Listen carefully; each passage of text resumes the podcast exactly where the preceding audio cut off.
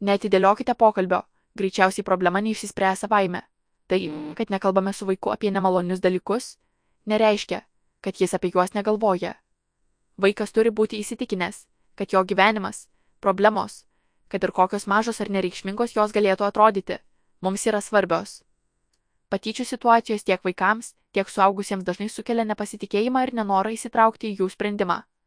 Tai suprantama, nes patyčios yra sudėtinga problema, kurią ne visada galima greitai ar lengvai išspręsti. Kartais tėvai jaučiasi kalti, kad jų vaikas susiduria su tokia situacija.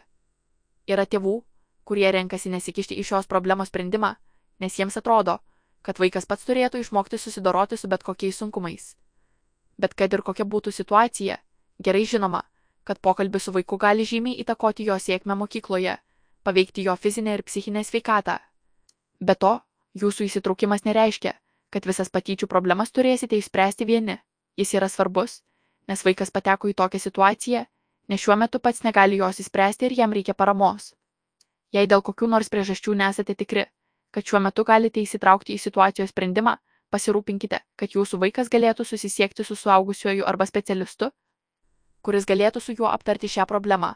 Kalbėdami su vaiku skausmingomis ar sunkiomis temomis tėvai gali jaustis labai nesaugus. Kartais tėvai nerimauja, ar ras tinkamus žodžius ir neįžeis vaiko. Kartais sunkiausia iš viso pradėti tokį pokalbį, ypač jei vaikas nerodo noro apie tai kalbėti. Tačiau svarbiausia žinoma, ne tai, ką tiksliai pasakysite, o jūsų noras padėti vaikui ir jo problemų suvokimas, kurį vaikas tikrai pajus. Bus lengviau pradėti pokalbį, suplanavus laiką būtent šiuo tikslu. Geriausia tokioje vietoje, kur jūsų netrukdys kiti šeimos nariai. Galite eiti pasivaikščioti su vaiku. Po atvirų dangumi tiek jūs, tiek vaikas mažiau nerimaus, o judant pokalbis seksis lengviau.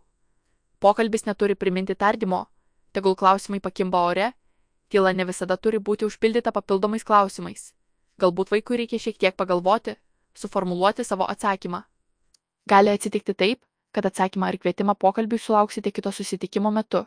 Svarbu atsiliepti, atidėti visus reikalus ir leisti vaikui būti išgirstam ir pamatytam. Pradėkite nuo to, kad priminsite vaikui, koks jis jums svarbus ir mylimas.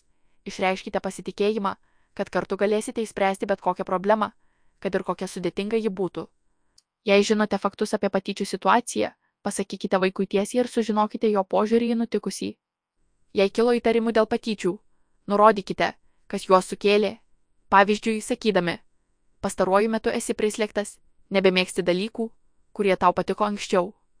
Tada aptarkite galimas priežastis, kurios galėjo tai sukelti, tarp kurių tai dažniausiai yra gyvenimo pokyčiai tėvų skirybos, gyvenamosios vietos keitimas, santykių su draugais problemos psichikos sveikatos problemos nerimas, depresija ar patyčios mokykloje, būkite pasirengę sulaukti ir neigiamo atsakymo ar nenoro kalbėti.